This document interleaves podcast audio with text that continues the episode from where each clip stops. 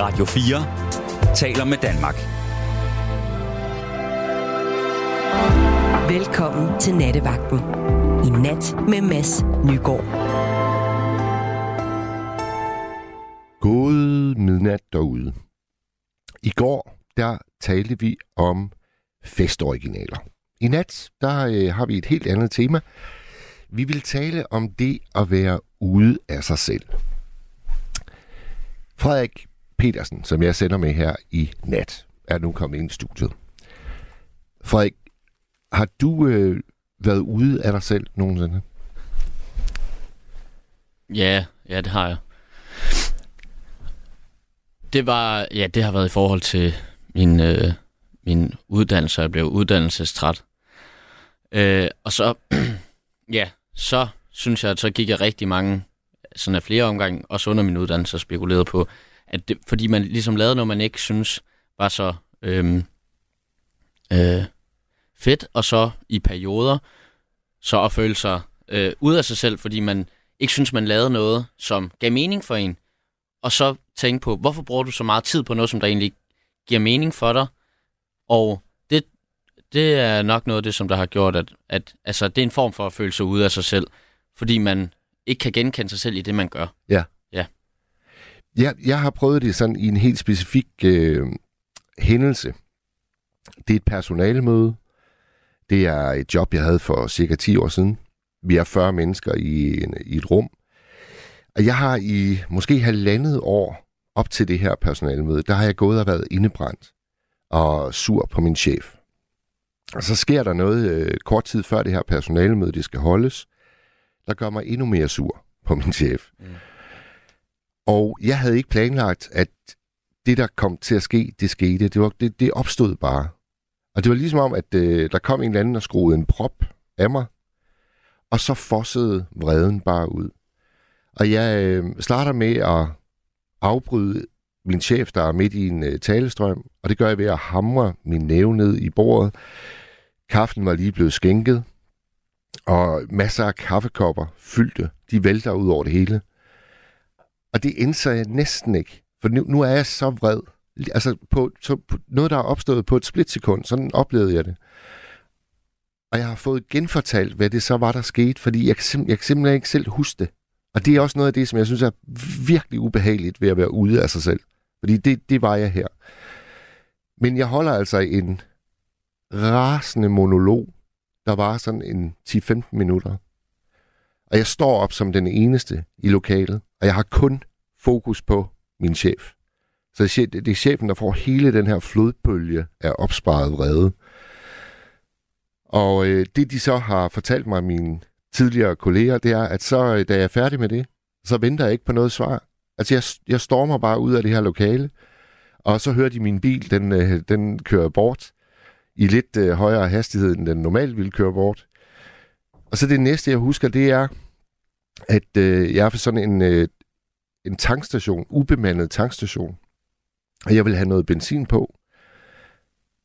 Og så det næste, jeg husker, det er, så er jeg nede på motorvejen, og så kommer jeg til at tænke på, fik jeg egentlig fyldt benzin på? Så øh, finder jeg en afkørsel, så kører jeg tilbage, og da jeg så kommer tilbage til den her ubemandede tankstation, så sidder mit hævekort i automaten, og så opdager jeg, at øh, benzindækslet, det, det flagrer bare. Så jeg har, jeg har sådan nået halvdelen af opgaven på en måde. Men jeg var så ud af mig selv, jeg kunne ikke engang finde ud af at, at fylde benzin på min bil. Og da jeg så kom hjem, og det der med, at jeg ikke kunne huske, hvad var det egentlig, der skete? Altså, jeg kunne huske, at jeg blev, jeg blev vred, men hvad fik jeg sagt? Og det var et job, jeg, jeg havde elsket. Ej, jeg var på skideren. Og Frederik, det, det blev ved i, i dagevis. Det var som om, at jeg gik i sådan en eller anden tåge. Jeg ville så gerne spole tilbage. Få sådan lov til at se og høre, hvad jeg egentlig gjorde. Mm. Men det, det kunne jeg jo ikke finde frem til. Ej, jeg, jeg, jeg, altså, det, jeg, husker, jeg husker den dag og de følgende måske syv, som sådan en tog, hvor jeg konstant oplevede at være ved siden af mig selv, ude af mig selv, have mistet herredømmet Mm-hmm. over mit eget jeg. Det er skræmmende. Ja, det er meget skræmmende. Ja. Jamen, jeg tror ikke, at jeg har øh, lige... Ja, altså... Så, så meget ud af mig selv, tror jeg ikke, at jeg har, har prøvet at være endnu. Nej. Øh, men altså, det eneste, jeg tror, jeg kan gen... Altså, at være u... altså, det her med, hvis man på et, på et tidspunkt har prøvet at drikke lidt for meget, og har svært ved at huske, hvad man, hvad man har haft lavet dagen Mm. før. Øhm, det er sådan, øh, det kan, jeg, det kan jeg kende i forhold til, til at glemme, men, øhm, men øh, fik du så, for, altså, fik du så støv, altså, stukket det sammen igen på et tidspunkt, om hvad der så var sket? Altså, jeg fik, jo, jeg fik jo nogle forskellige referater, men jeg kunne også godt mærke på mine kolleger, som jeg har haft i en del år, at de var sgu også chokerede. Mm. Altså, det var ikke den udgave af mig, de havde set de sidste seks år.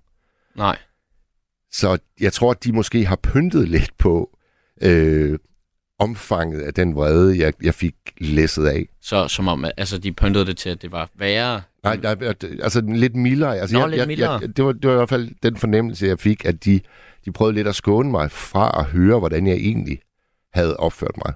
Okay, Men jeg finder nok aldrig rigtig ud af det. nej.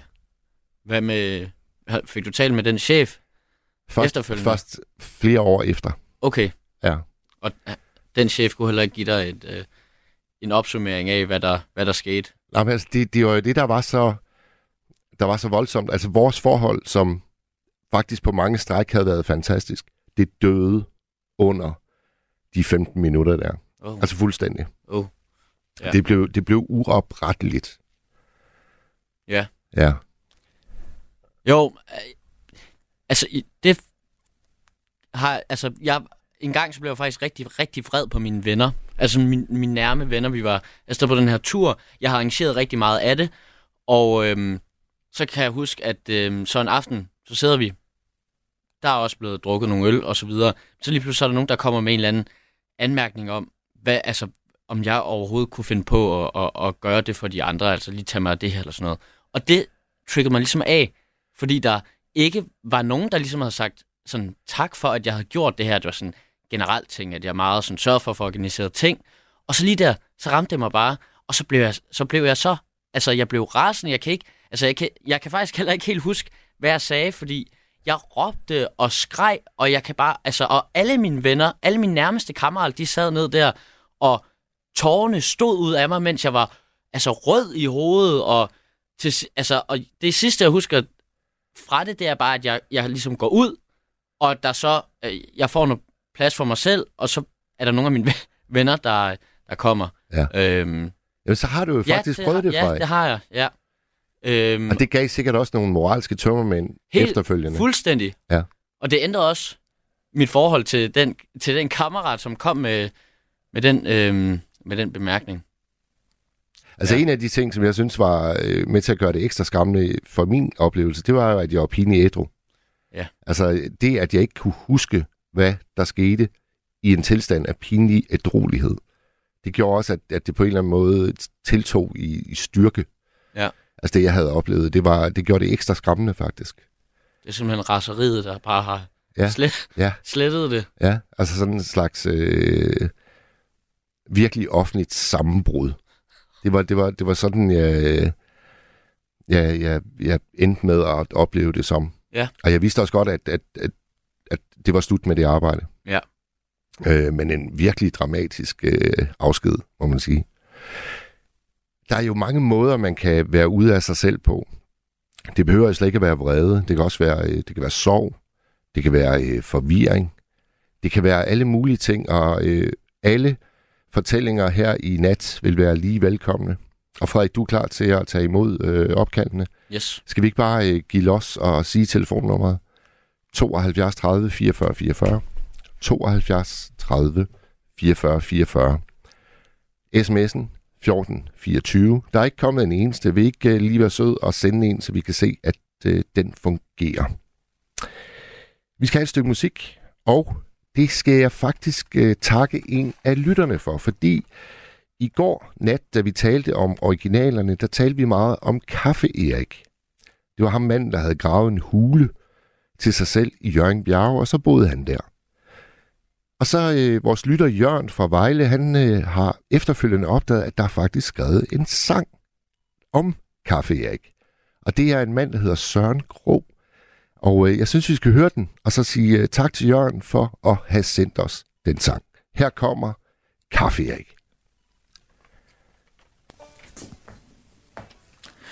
Erik. Kaffe Erik boede en hul i Jørgenbjerg Ved en hulvej, som havde været Skagens vejens nerv. Han havde ingen ejendele, havde kun sig selv Og var stukket af fra livet, for ikke at kede sig ihjel. Vi var lejeløsne unger på de lønklædte bakker der kun lå en spytklat fra kaffe i skimakker. Det var halv Pouls datter, og så mig og Per Pelé. Vi sne os langs de grene, der var hulens espalier. Og vi vidste, han var hjemme, når hans støvler var se. De lå der til luftning i hulens lang træ. Der var en duft af sprit og kaffe og Bellman serut. Ja, vi var alle yderst ude. Det var kaffe i ekshud. Kaffe ikke var fri, fri som fuglen, der sætter sig og synger som solsort mogulen. Jørgen Bjerges konge uden jordisk pomp og pragt. Til det er kaffe Erik kun et skuldertræks fart. Pelé han kravle ind og fik gang i en snak. Han var lige begyndt at rulle af sin mors balisjak. Erik tog imod ham, som han gjorde med en vær. Ligegyldig hvem du er, så er du velkommen. Men Pelé, han var stille, da han endelig kom ud. Han sagde ingenting, selvom vi sagde, at han skulle fortælle lidt om Erik. Men han holdt det for sig selv. Han havde fundet sig en sjælevind, der ikke kunne slås ihjel. Kaffe ikke var fri, fri som fuglen, der sætter sig og synger som solsort mogulen. Jørgen Bjerges konge uden jordisk pomp og pragt. Til det er kaffe Erik kun et skuldertræks for alt.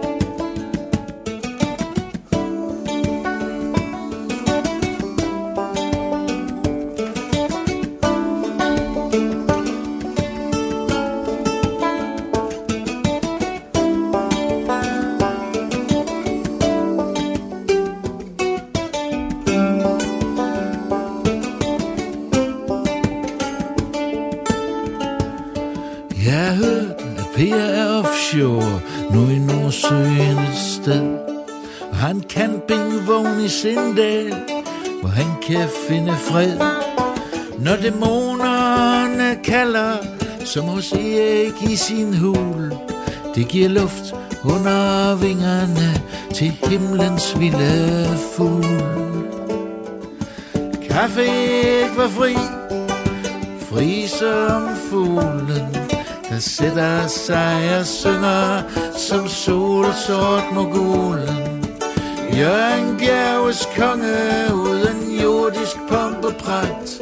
Til det er kaffe ikke kun et skuldertræks fart.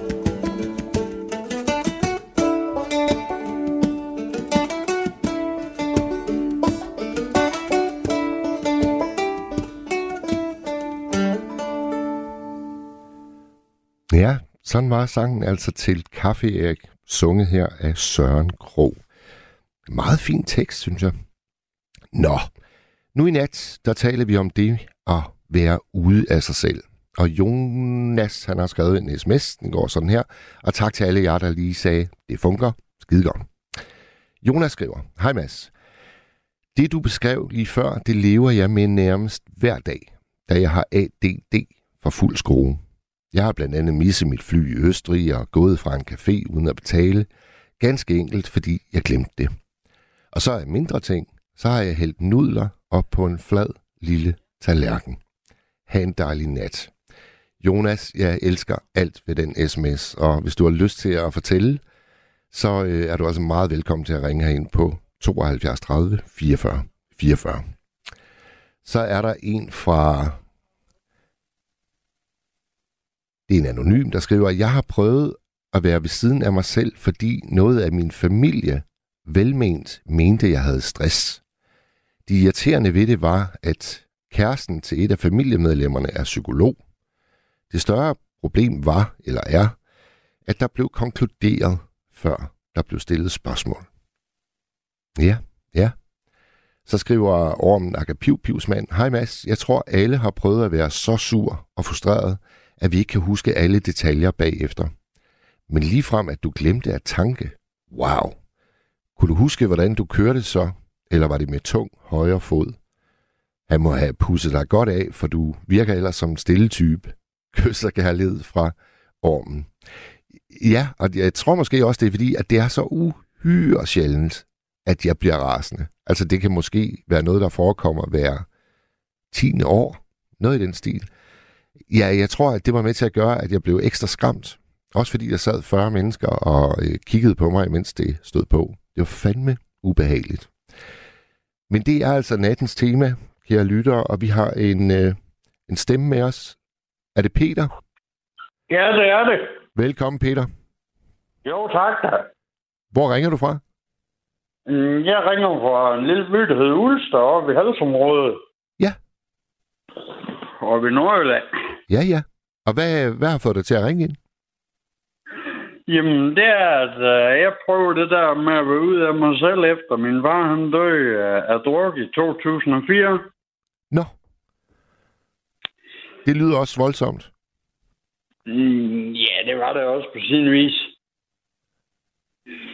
Uh, jeg var 17 på daværende tidspunkt, og tog så umiddelbart en måneds tid efter far var død et job som chaufførmedhjælper ved idé med Aalborg. For sådan, fordi når jeg var på arbejde, så, så jeg jo fri for at tænke på alt det der, der var sket. Ja. Det kunne jeg, det kunne jeg simpelthen ikke være i. Nej, og, og kan, du, kan du prøve at beskrive, øh, hvordan du oplevede det der med at være ude af dig selv? Jamen, det var, det var sådan set lidt ligesom, at, øh, at øh, mit liv begyndte at køre, hvor jeg ligesom følte, at jeg var en tilskuer til mit liv, og ikke deltager i Ja. mit liv. Åh, oh, det er lige det. Jeg kender det så godt. Øh, Og det er skræmmende, Så det er skræmmende, det- det er skræmmende at opleve det der med, at man står og kigger på sig selv udefra og ind. ja. Og da jeg så, øh, da jeg så blev fyret ud af idémøbler, fordi jeg var fyldt 18, der, der gik jeg rigtig, rigtig skidt på mig. Ja. Øh, jeg, jeg endte simpelthen på grund af at forsøge at tage livet af mig selv flere gange på grund af det der. Tænker du, at det var din fars død, der ligesom var afsættet for det? Øh, det var det, der satte det i gang, ja. Hvordan var, Øh, hvordan var dit forhold til, til din far? Jamen, det var sådan set... Øh, de sidste par år, der var det sådan set rimelig godt. Ja. Øh, men øh, jeg, jeg, jeg kunne simpelthen... Jeg, jeg kunne ikke være i, da han døde der. Og da jeg så lige pludselig ikke havde noget at, skal vi sige, øh, ulme med, i form af et job. Ja. Og øh, alle de der mennesker, som efter min far han døde, de sagde, at vi skulle bare henvende os, så skulle de nok hjælpe, hvis der blev noget. Der var bare ikke noget hjælp at hente noget steder. Så jeg røg ud i øh, stor alkoholmisbrug, og som sagt forsøgte at tage livet af mig selv flere gange. Men jeg kan næsten også regne ud, Peter, at når, når du var 17, da din far dør, så, så dør han jo i en relativt ung alder. Ja, han døde i marts måned, som han kunne have fyldt 50 i august. Ja. Og når du siger, når du siger han, han drak, hvor, var det noget, der havde stået på lige siden du var en bitte knægt, eller? Øh, jo, da han lærte min mor at kende, gjorde han det lidt, men da han lærte hende at kende, og jeg så senere øh, meldte min, min, min ankomst, da jeg var på vej Øh, der, øh, der har han godt nok en lang periode, hvor han, øh, hvor han ikke havde sådan en decideret alkoholmisbrug. Øh, fordi han ikke havde den store kontakt med hans egen forældre. Men øh, der begik, ja, skal vi sige, min mor begik den fejl at drage dem ind i, da jeg var kommet til verden. Sådan at Øh. de hvad? Altså, hvad gjorde de så i forhold til din far? Jamen, det gjorde jo, at øh, fordi min far har ikke et specielt godt forhold til hans øh, egen far. Nej. Øh, og det, set i bagspejlet kan jeg godt se nu, at øh, det du så ikke fatter. Han fik et job, hvor han gik op af sin far næsten stort set hver dag. Ah, okay. Ja. Øh, Det slog din far ud af kurs. det gjorde det. Nok mest, mest fordi de ting, min, øh, min fars far, altså min farfar, han har prøvet i hans liv. Han, han, han kunne ikke lukke op, og så fortælle om, om de ting op- og nedture, han har haft i, i, i livet. Nej. Han var, en, han var en lukket mand. Ja. Og det, det, det ved jeg den dag i dag, det var noget af det, der, der gik min far rigtig meget på. Det var, at, øh, at de kunne ikke snakke sammen om de ting. Nej. Kunne du snakke med, med din far om alting? Ja, i de sidste øh, to-tre år, Ja. der kunne jeg faktisk. Det, er, Øh. ved du hvad, det er en kæmpe gave. I, i, i det mørke, du, du lige har beskrevet, så synes jeg, det er, en, det er en kæmpe gave, fordi der er jo altså også mange, der aldrig nogensinde når at, at, at ramme det punkt, hvor de, hvor de kommer tæt på hinanden. Men det Ja. gjorde I. Ja, det, det gjorde vi, fordi at, øh, det, var jo, det var efter folkeskolen og sådan noget. Og min far havde det princip, enten så skal du vælge, hvad for en øh, uddannelse du kan tænke dig at gå og gøre i. Og hvis ikke du vil det, så må du have et job et eller andet sted, for du skal ikke bare gå hjem og fisen af. Nej. Og det lyttede, det lyttede du til. Ja, det gjorde jeg. Det gjorde jeg, fordi at øh, efter folkeskolen, der prøvede jeg først noget inden for elektronikfagteknikker. Ja. Det var så ikke lige mig. Jeg ville hellere være lidt ved landbrug. Ja.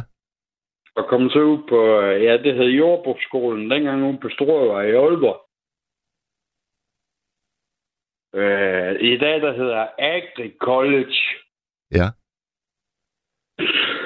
Så øh, jo, og, og det har jeg, altså, jeg har arbejdet, jeg har arbejdet ved landbrug, øh, siden jeg var 12, efter skole. Ja.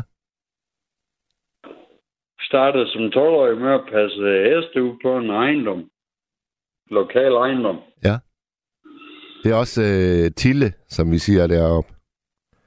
Jo, men altså, det var fordi, at øh, i, mit hjem i, i barndommen, der var lommepenge. Det var ikke noget, du fik. Det var noget, du tjente ved at hjælpe til derhjemme. Ja. Og jeg synes ikke, jeg kunne tjene penge nok ved at hjælpe til derhjemme, så var jeg nødt til at finde et eller andet at lave efter skole, Ja. så jeg kunne tjene nogle flere penge. Hvad hed din far? Han hed Ole. Ole. Ja. Vil du, Så øh, vil, du, vil, du prøve, vil du prøve at tage os med til, til de dage omkring din fars død, eller vil du helst være fri for at snakke om det, Peter? Nå, men det ville jeg sgu godt. Det, der skete, det var, at øh, min fars alkoholmisbrug, det røg ud, hvor der røg mellem en til to halvflasker brændevin. Eller rød Aalborg, om du ved. Ja. Om dagen. Og øh, jeg havde jo stået som den, den ældste i, i, i, i en børneflok af tre stod jeg og blev meget hurtigt voksen på grund af det, og stod og bakke min mor op, ikke også? Ja. Og det, det endte så med en nytårsaften, hvor den gamle, han lavede stunt, som øh, jeg ikke synes var i orden. Han lavede nytårsaften, hvor at, øh, han røg en tur ind forbi skadestuen på grund af alkohol. Ja. Altså... Der måtte jeg simpelthen, der måtte jeg simpelthen, da han kom hjem igen, der måtte jeg sige til ham, prøv at høre, det her, det kan jeg ikke mere. Nu skal jeg til at ske noget. Altså, skulle han, øh, skulle han ligesom afgiftes den nytårsaften? Øh, nej, det vil jeg ikke sige, at han i den forstand blev af, afgiftet på den måde. Øh, han, han, har, han har drukket så, så selvfølgelig noget hjemmelavet chili brændevin. Nå for filen. Han kunne ikke stå på benen. Øh, og de folk, han har gjort over, de kom jo så over og banke både mig og mor op. Og det endte med så til ham, fordi det var en, en kælderetage. Så jeg sagde ham, prøv at. Han tog valgmuligheder. Enten så rejser du op, så går du op ad den fucking trap og går med hjem. Og kan du ikke det, så ryger du kraftet med en tur med 112. Ja. Og det siger du, Og det, det siger du, han det siger du direkte til din far? Ja. Det kunne han ikke. Og han blev så kørt med ambulancen ind på Aalborg sygehus. Og fik så lov at ligge i en seng på en gang derinde i nogle timer der og se alle de der alvorlige nytårsaftensskader, der kom ind. Ja. Og kom så hjem ved halv fire tiden om morgenen uden nøgler eller noget. Og fordi jeg var den eneste, der havde været nede i stueetagen i det hus, hvor I banker mig op. Og der var jeg simpelthen nødt til at sige til ham, prøv at høre, jeg kan ikke det her mere. Nu, skal jeg til, nu, nu er du nødt til at gøre noget. Ja. For ellers kan jeg ikke være med mere. Så må jeg trække de tråde, jeg har, og komme væk fra det her. Ja. Og du er, øh, Peter, du er 17 på det her tidspunkt? Ja. Ja. Og øh, han går, vi var så op og snakke med vores praktiserende læge, og han skrev en anbefaling, fordi på det tidspunkt var min far allerede så syg på grund af druk, at han var blevet tilkendt en førtidspension. Ja. Og øh, vores egen læge der, han øh, skrev til kommunen, fordi altså, vi har sgu ikke råd til at betale for, for sådan et behandlingsforløb over på Kongens Ø og sådan noget, for det, det er ikke billigt. Nej. Øh, så han, vores egen læge skrev ind til kommunen, at øh, hvis øh, min far kom i sådan et intensivt behandlingsforløb, som på Kongens Ø, der, så kunne, så kunne hans liv måske forlænges med omkring 20 år. Men så skulle det være nu. Ja. Mm, Tabte vi dig, Peter? Det tror jeg altså, vi har gjort, Frederik. Vi må lige prøve at øh, genetablere kontakten. Imens så tager jeg lige et par øh, sms'er. Det er Jytte, der har skrevet en sms, og hun var jo faktisk øh, stemmen, der fortalte om kaffe Erik i går. Hun skriver bare tak for sangen, Jørgen. Og øh, det vil jeg gerne øh, sekundere. Det var skideskønt. Tak for den. Øhm, så skriver Kim i Nykøbing Falster. Det er meget ubehageligt at få sorte øjne. Jeg har været ved at slå min storebror ihjel en gang. Ja, det er lige så det løber koldt ned ad ryggen, den der beskrivelse, Kim. Du, øh, du er selvfølgelig også hjertelig velkommen til at ringe herind på 72 30 44 44. Har vi, øh, har vi dig med igen, Peter? det har du. Godt. Hvor, hvor, hvor langt, øh, hvor langt nåede du at høre med? Jamen, vi, vi nåede at høre med indtil, øh, at din far ligesom øh, blev stillet i udsigt, at hvis nu han bare kom afsted til det der behandlingshjem, så kunne han måske få 40 år mere. Ej, Ja. 20. 20 år. Undskyld, 20 år. Ja. Men han kom så ikke afsted, kan jeg næsten regne ud, Peter. Nej, fordi han valgte så at få det der, det der svarbrev fra kommunen. Det valgte han at få sendt op til vores egen læge. Og samme dag, som han har været oppe og forsvaret, kommunen har givet ham afslag på hjælp, der det efterfølgende døgn, der tømte han syv hele flasker. Uh, altså han, han, han tog det meget tungt, Ja, Det- det, det øh, med kommunen. ja. Ja. Og øh, jamen, det gjorde ham så syg, at øh, han, øh, der kom både blod ned nu og ovenu. Og det skal selv lige siges, på det her tidspunkt, der har jeg prøvet en gang at stå med ham, hvor jeg måtte genopleve ham. Hvor jeg efterfølgende fik at vide af kundlægen, der var med, med, at hvis ikke der har været en, der kunne sin førstehjælp, så har han ikke overlevet. Hvor, hvor sådan havde du lært det hen, Peter? Du er jo bare en, en knægt. Jo, men det, det fik jeg jo på teknisk skole. Aha, okay. Så fik jeg både førstehjælp og brandbekæmpelse. Men det vil simpelthen sige, at du har, du har reddet din fars liv tidligere. Ja, Ej, hvor er det stærkt, Peter. det er, men det, det var ikke så skide en behagelig oplevelse der, at stå med sine to mindre søstre der, og, og så kun mig, og så skulle genopleve min far. Nej. Fordi en ting er at skulle genopleve ham. Jeg var også nødt til, den største af min søster, hende var jeg også nødt til at skulle have sådan, come down og ringe 112, ikke også? Fordi at øh, hun var mig påvirket af det. Jamen, der var hun jo selvfølgelig ude af sig selv.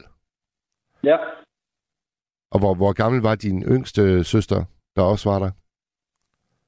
min yngste søster, hvad er hun er der, lad os se. Ja, hun vil være omkring 6-7 år, tror jeg.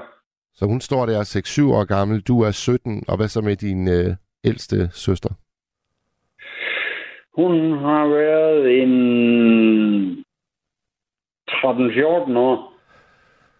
Ja, det, altså, jeg er imponeret over, at du øh, kunne bevare roen og give din far første hjælp i den situation der. Jeg tror, jeg var gået i panik.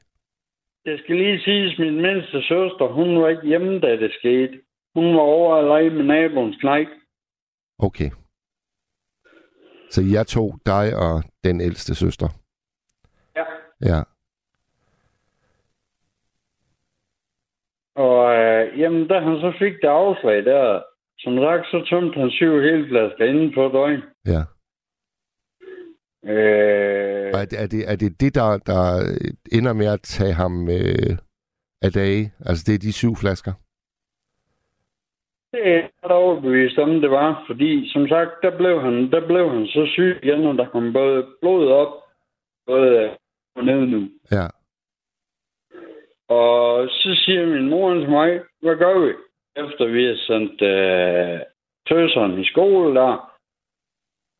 Øh, jamen, så sagde jeg bare til mor, men det, vi er nødt til at skal have ham her med 112, fordi jeg skal ikke, jeg skal ikke til at stå igen og øh, genopleve ham eller noget som helst.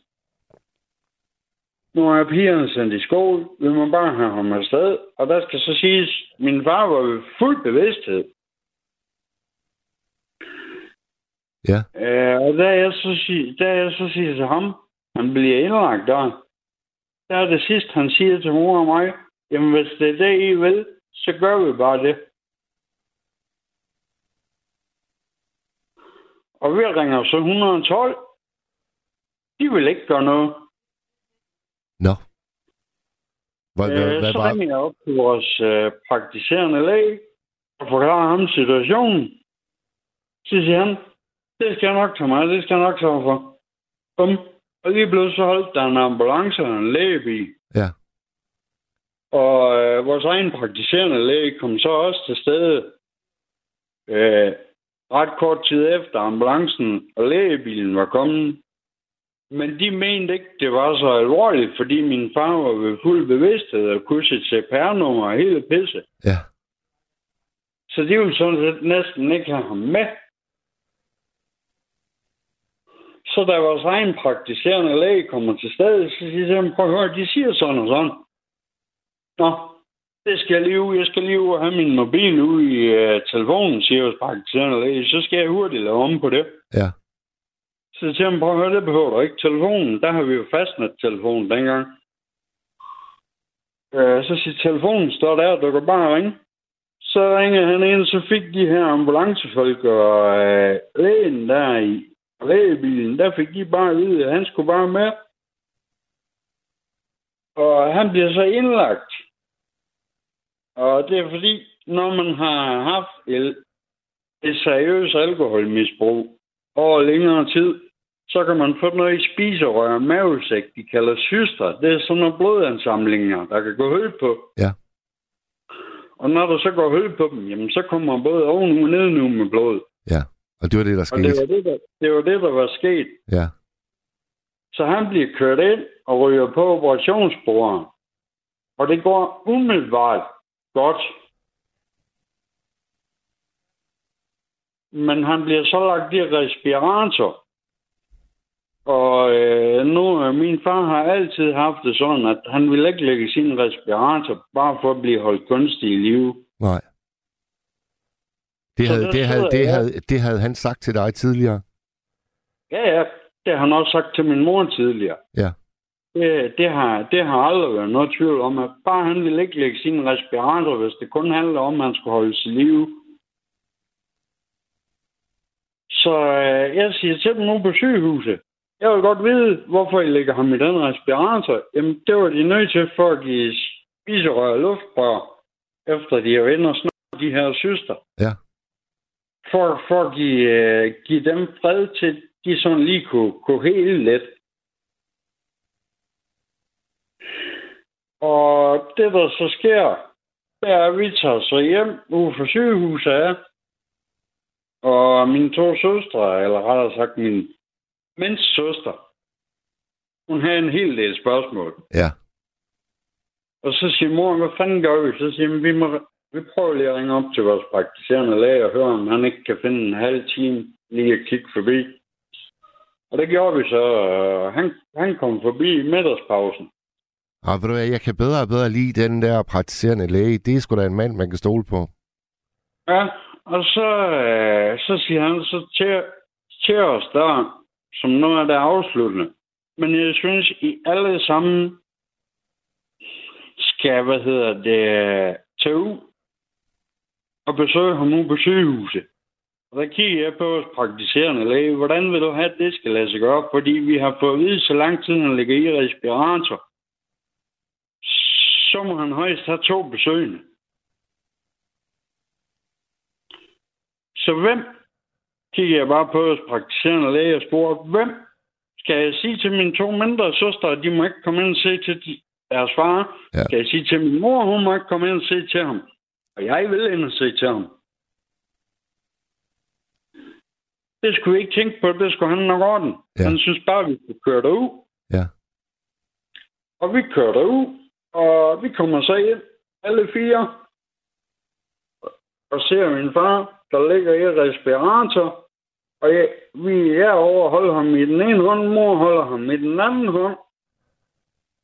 Og der sker ikke alverden. Så øh, min mindste søster, hun siger, jeg vil lave en tegning til far, til vi skal ud og besøge ham igen. Da hun siger det, der begyndte hele deres maskineri at bippe derude. Nå, Og så skrev hun op i displayet for høj ildprocent. Så kiggede jeg bare over på sygeplejersken, der også var til stede. Prøv at høre, hvad sker her? Den skriver for høj ildprocent. Hvordan kan det lade sig gøre? Ja, siger hun så. Det skyldes, at din far begyndte selv at trække vejret samtidig med respiratoren. nå for søren. Så der var jeg slet ikke i tvivl om på det tidspunkt, at der var stadigvæk liv i ham. Ja, Nå, og vi tager hjem.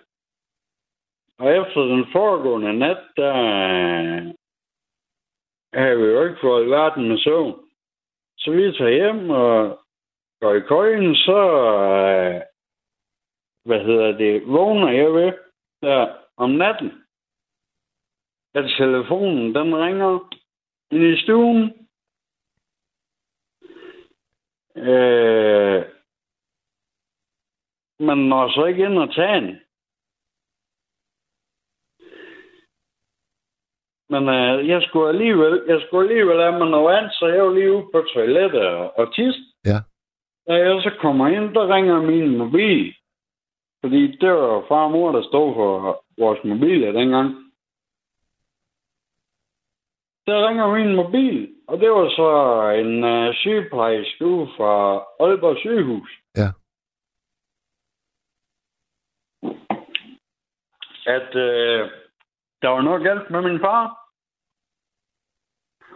Om uh, jeg vidste, hvem Birte var. Fordi så vidt hun kunne se i papirerne, så hed hans kone Lene. Så, siger, så sagde jeg til hende sygeplejersken. Ja, og hvis han har lagt et kald på Birte, så er han galt. Nå, hvad det, siger sygeplejersken. Jo, for det er hans mor. Og han kalder kun hans mor for Birte. Når der virkelig er noget galt. Ja. Nå. Så øh, først der spørger sygeplejersken mig så, men hvem taler jeg egentlig med? Siger, men du taler med Peter Dorf, hans søn. Ja. Og det var hun godt nok ked af, der så hun godt nok kommet til at sige for mig, fordi 19 og 18, det er blum blum blum, så det er fuldstændig lige mig, altså, øh, skal du snakke med min mor? Jamen, det ville hun gerne, jamen, skal lige op og væk hende. Og der får vi så at vide, at øh, de synes, vi skulle komme derud. Og så inden man så øh, skulle vi jo have rækket tøserne til, at de også kunne komme med ud. Og som jeg siger, så må vi, vi ringer lige hen til farmor og farfar der. Og siger, hvordan og hvorledes. Og de kommer også ud på sygehuset.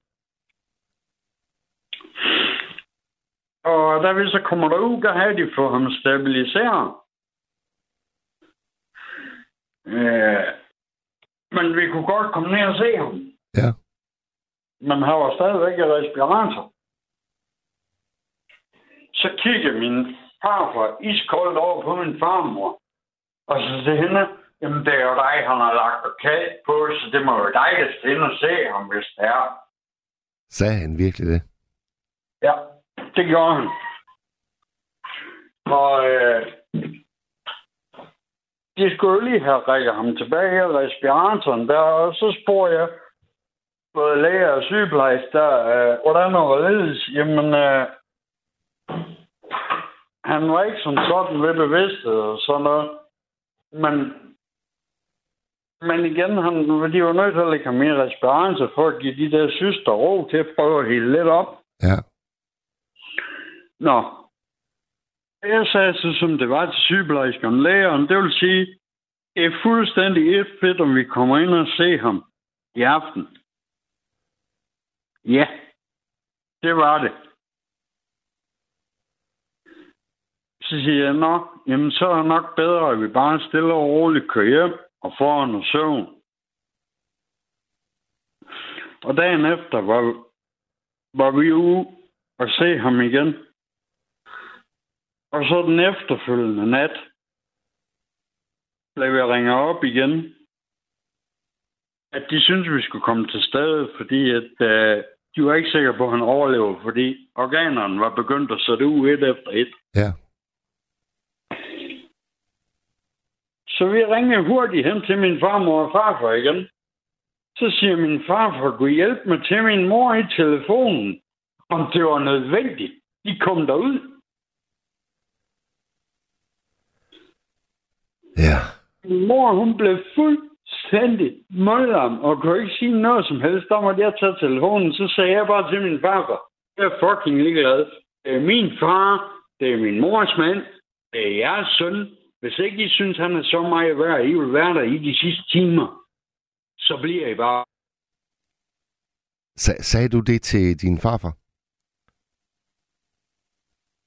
Nu tror jeg at vi mistede øh, Peter en gang til. Frederik, han er på sagen. Vi, øh, vi får fat i Peter. Molly, hun skriver, øh, puha, jeg har lige drukket to glas rødvin. Håber, jeg kan sove, for sidste nat sov jeg kun to timer på grund af meget slemme kramper i mine ben. Jeg håber, der er ro i lejen hjemme ved dig, Molly, og øh, sov godt, hvis, øh, hvis det er det, du trænger til lige nu. Har vi... Øh... Jeg kigger ud på Frederik og ser, om vi har Peter med os igen. Hallo, Peter? Ja, Peter, øh, jeg spurgte dig, sagde du det direkte til din farfar? Ja, jeg sagde til ham, prøv at høre, det er min far, det er min mors mand, det er jeres søn, men hvis ikke I vil være der de sidste timer af hans liv, så kan I bare blive væk. Altså, det er jo helt vildt fint og stærkt og rigtigt sagt. Ja. Og øh, vi kommer så derud.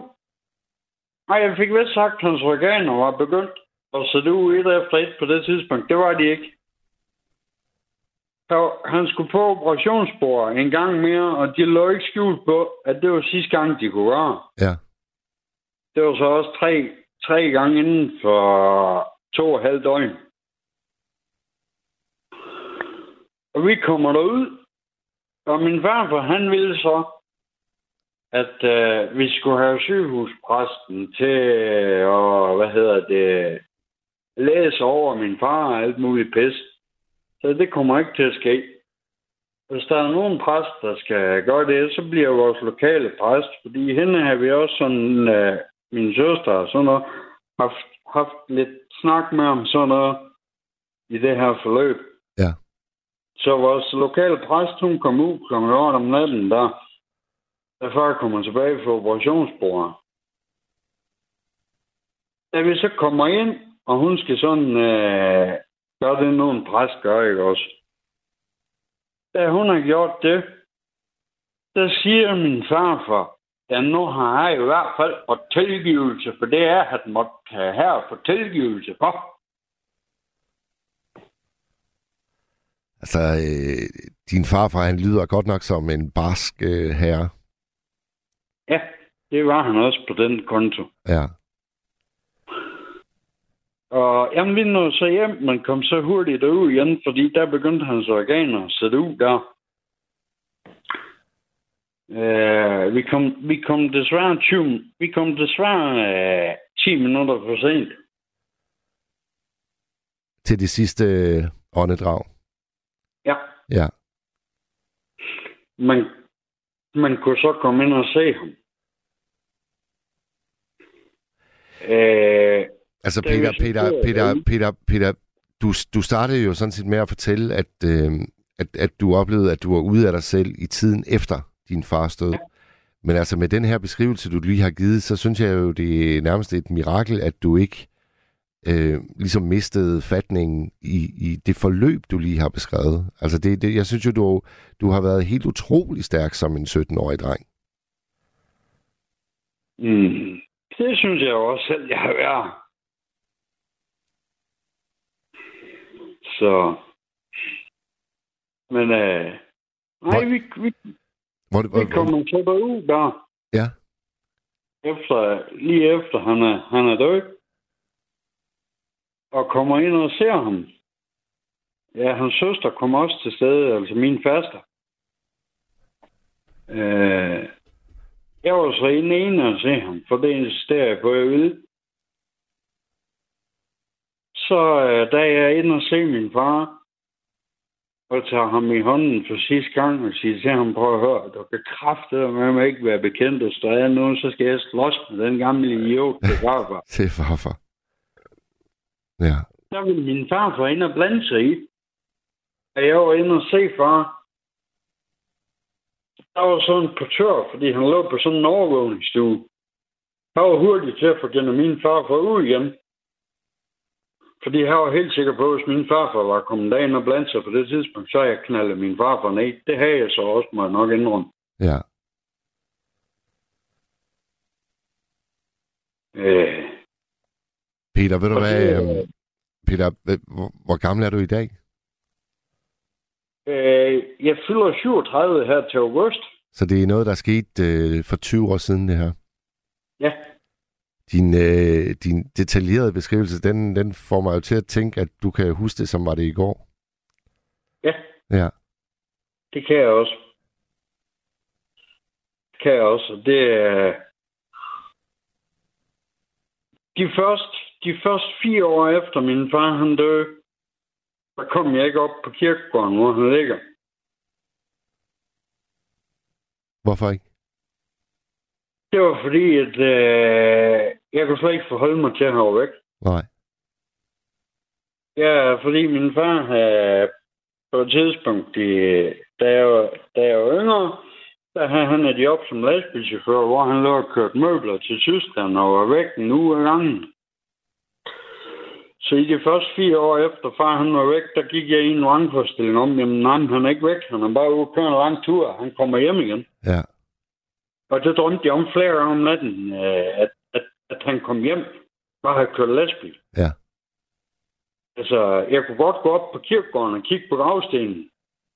Mm, Jeg kunne bare ikke forholde mig til, at hans navn det stod på den fucking gravsten. Nej. Det, det følte jeg sådan. Det, det var lidt det der u af mig selv, ikke også? Altså, Ja, det er det var så uvirkeligt for mig. Ja. Øh, Peter, ved du hvad? øhm, Jeg vil sige, øh, jeg vil sige tusind, tusind, tusind tak, fordi at du ringede ind og, og fortalte om øh, din far og din ja. familie. ja, Og øh, så vil jeg bare øh, ønske dig en, en, en god nat, og så lige endnu en gang sige, altså, det du formåede at gøre som en 17-årig knægt, det har jeg kæmpe respekt for. mm. Så vil jeg sige tak for et godt program, I laver. Selv tak. Selv tak, Peter, og, og så godt. I lige måde. Hej. Hej. Hej. Ja, jeg er helt, øh, jeg er helt stakåndet. Jeg tror simpelthen, øh, Frederik, vi skal have et stykke musik, og så øh, skal jeg lige gentage, at det vi taler om i nat, det er det med at være ude af os selv. Og øh, det var Peter virkelig, virkelig god til at, at skildre i forbindelse med sin fars død.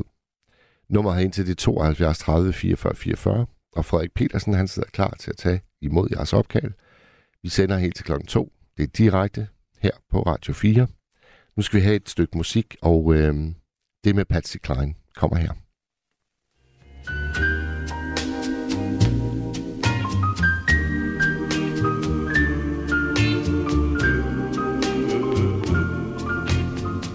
crazy. I'm crazy for feeling so lonely.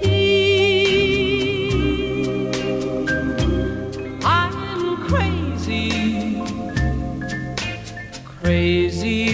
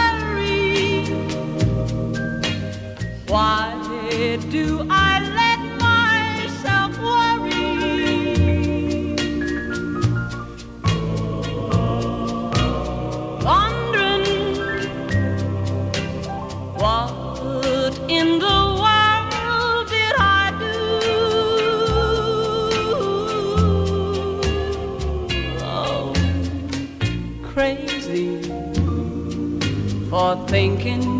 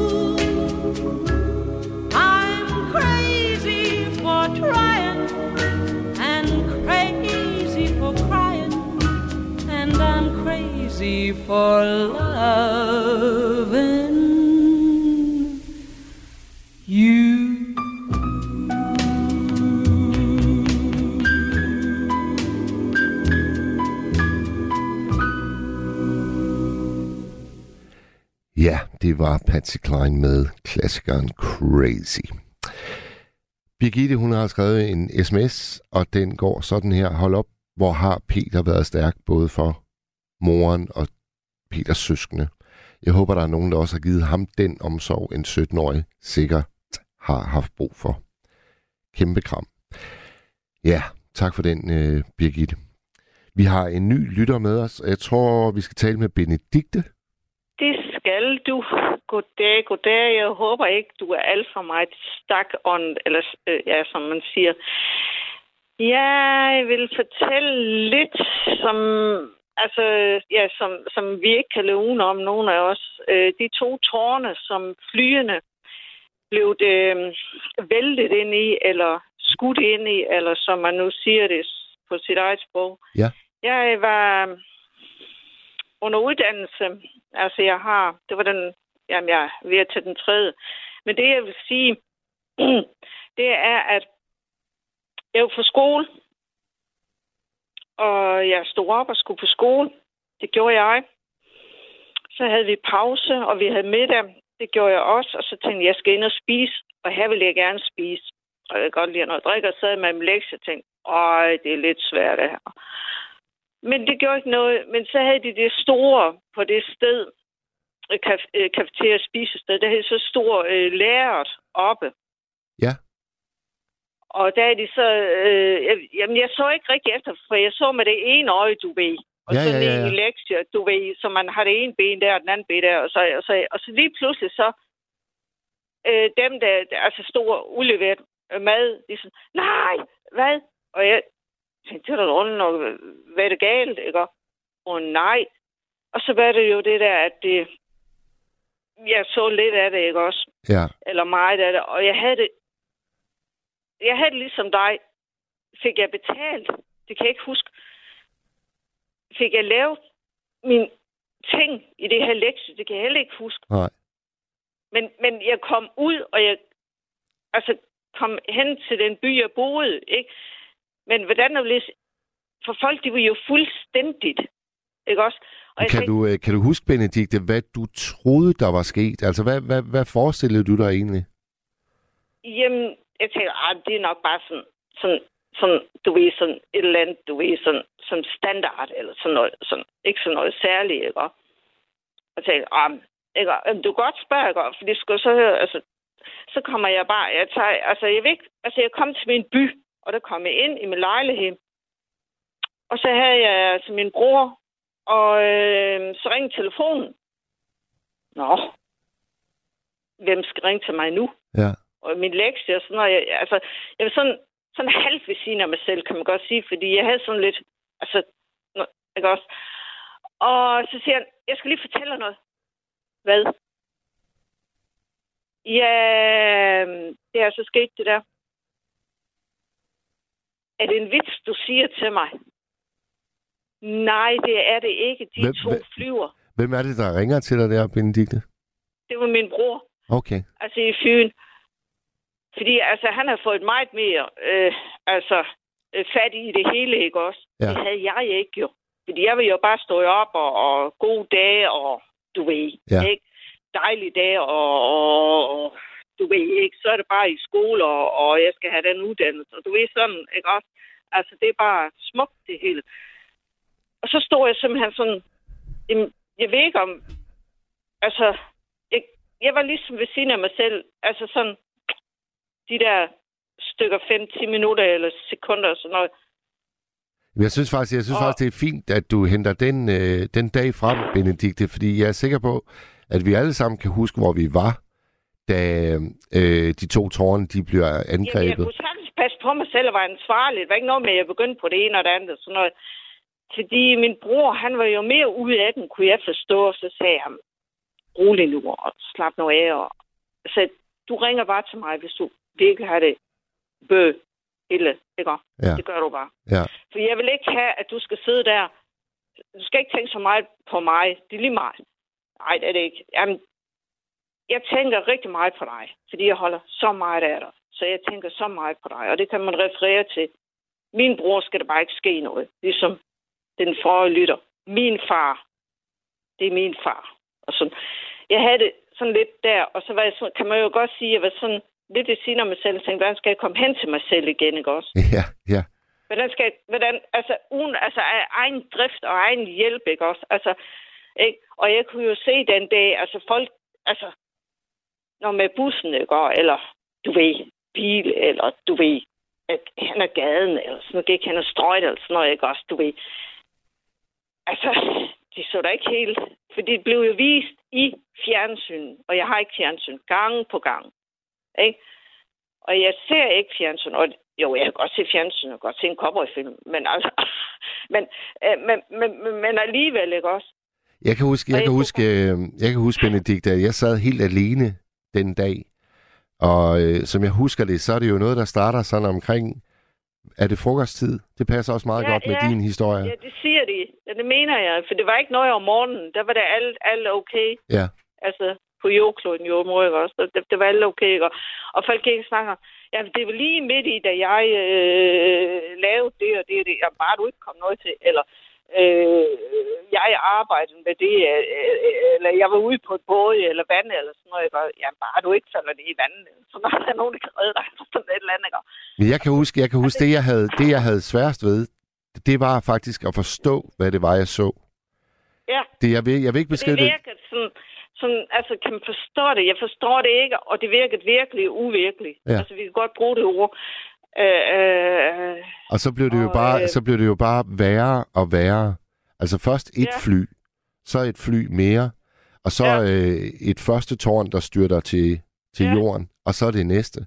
Altså det var, det var bare Ja. sådan, øh, det, det var som at blive øh, ramt af et er det chok. Fire, eller hvad? Eller chok, eller hvad? Ja, lige hvad præcis. kalder vi det? Hvad Ja. skal vi sige? Altså, hvad, hvor skal vi sætte synonym hen, eller syndrom eller, eller alt det der, ikke også? Højde, ikke? jamen jeg tror, vi jeg skal, jeg, tænkte- tror, jeg tror, vi skal kalde det den dag, hvor hele verden var ude af sig selv. Ja. Sådan vil jeg også benævne det, hvis jeg skulle lave en case. Det kunne jeg godt tænke mig at altså, lave en eksamensopgave på. altså, men, men altså, sådan er verden jo ikke også. Altså, den er hardcore, eller harsk. Nå. altså, men, men man, det er dejligt, at man så har humoren, og så, og så øh, sådan nogle ting, man så kan gøre, ikke også? Og så komme væk fra det, og ovenpå igen. Det er det. Og så blive sig selv igen. Ja, Og og finde finde sig og, selv. Og så, og find, find ind til sig selv igen. Ja, ja, og det gjorde jeg. Og det sagde min bror, jeg forstår ikke, du kan bare det der. Jamen, jeg kan ikke give dig opskriften. Jeg vil gerne give dig, men han sagde, det har du gjort, og du har hjulpet mig, og bla bla bla. Tak skal du have. Så snakker vi ikke mere om det, så altså. Nej. Og så var vi begge to lykkelige og godt tilpas. Det var jo hovedsagen, ikke også? Det er det. Så, men, men, men alligevel, men, men, men, men om det så er så 5, 7, 10, 20, whatever, så, så og så, så ja, Men jeg synes, jeg synes jo, jeg synes jo også, øh, Benedikte, at vi, altså vi bør jo næsten være ude af os selv, når vi på et tv-billede ser øh, 3.200 mennesker omkomme. Det var jo faktisk det, Men det vi var. højere, for jeg mener, det var højere, når det var to ton. Nej, men det skal jeg ikke hænge mig op i tal. Men okay, du får ret. jeg giver mig. Ja, det var, øh, Øh. det var det mest voldsomme tv, der nogensinde har været øh, sendt. Ja, Så jeg men, forst- men, men det, det er slemt, at det er så mange, ikke også? Og så man så hører, at, at, at, øh, at en øh, mor, hun går i døden, og, og barnet øh, øh, lever. Og, Men så, så var der jo faktisk også det, Benedikte, at øh, kameraerne, de fangede jo faktisk mennesker, der valgte at springe ud. Altså Ja. øh, dem, der kunne se, at flammerne, de, øh, de nåede tættere og tættere på, og, ja, og man kan jo bare forestille sig, øh, der var ikke nogen udvej, og flammerne, de blev øh, varmere og varmere, og til sidst Ja. så, så valgte de at springe ud. Og det fangede der, de... der begynder det, vi jo bare at skrive, hvis vi får lidt varme ved en bål. Pas nu på hænderne, du ikke får det for tæt på bålen, og, og varmen, og uh, ikke? Og så tænkte det der, ikke? Ja, ja. Det der, jeg sætter ind, ikke? Og, og, og går virkelig ind, ikke? Altså, altså. Men jeg er kommet over det, og min bror også, together. det er godt. Benedikte, Men jeg, jeg havde bare sådan lyst til at bringe det på banen, fordi du, du sagde det der, så... Det, det er så fint. Og tak, fordi øh, du delte med os, Benedikte. Tak skal du have. Og have en, øh, hej, hej. have en fortsat god nat. Ja, tak.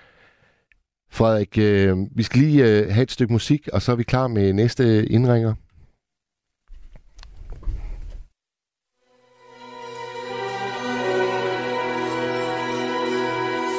Round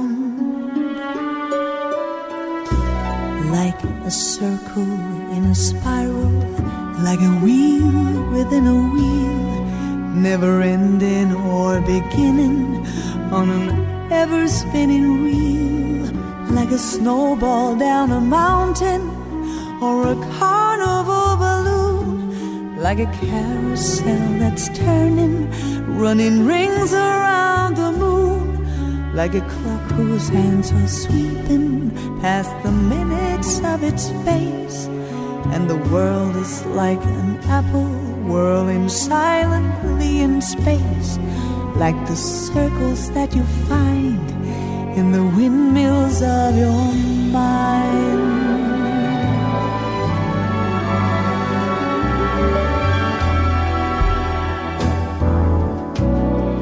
like a tunnel that you follow to a tunnel of its own, down a hollow to a cavern where the sun has never shone, like a door that keeps revolving in a half forgotten dream, or the ripples from a pebble someone tosses in a stream like a clock whose hands are sweeping past the minutes of its face.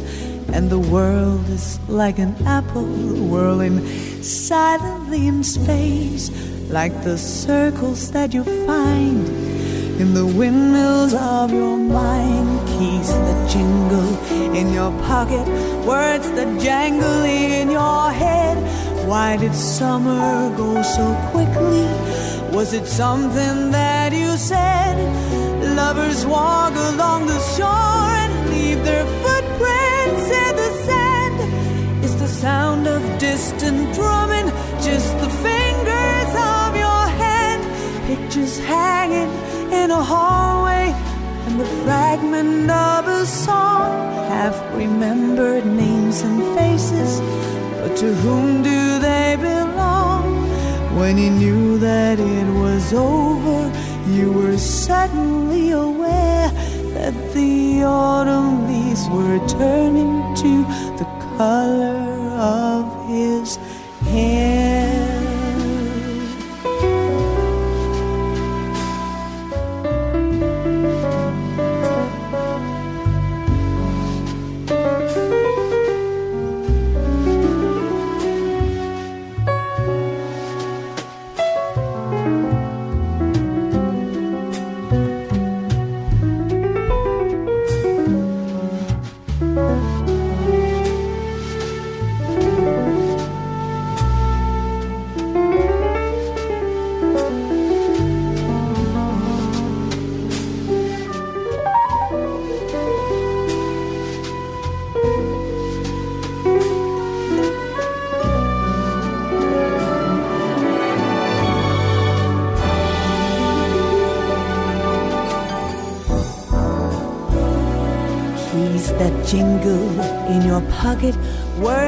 Jangle in your head. Why did summer go so quickly? Was it something that you said? Lovers walk along the shore and leave their footprints in the sand. It's the sound of distant drumming, just the fingers of your hand. Pictures hanging in a hallway and the fragment of a song. I've remembered but to whom do they belong? When he knew that it was over in the autumn of goodbyes, for a moment you could not recall the color of his eyes, like a circle in a spiral, like a wheel within a wheel, never ending or beginning on an ever spinning wheel as the images unwind like the circles that you find in the windmills of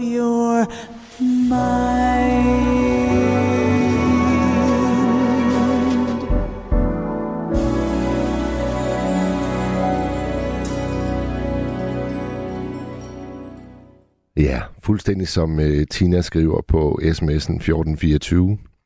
Uh, Sine e, det er lækkert. Og det var nemlig Sine e med nummeret, der har den smukke titel The Windmills of Your Mind. Så skriver Hans Jultved fra Hillerød, og han husker også 11. september 2001 meget tydeligt. Han skriver, Jeg fik uanmeldt besøg af min kæreste fra Rusland den dag. Jeg gik og ledte efter hende, mens luften summede af surrealisme, og ejeren af en butik, hvor jeg bor, stod og råbte, så er der krig. Meget syg atmosfære overalt. Og det er også en, det er faktisk en meget fin beskrivelse, Hans. Tak for den. Vi er klar med en, øh, en ny lytter. Hvem har vi med os? Hallo? Hallo? Det er Kim. Hej Kim. Dag. Velkommen. der skrev en sms til dig med min bror der. Ja, og jeg, Og det jeg, der effekt der. ja.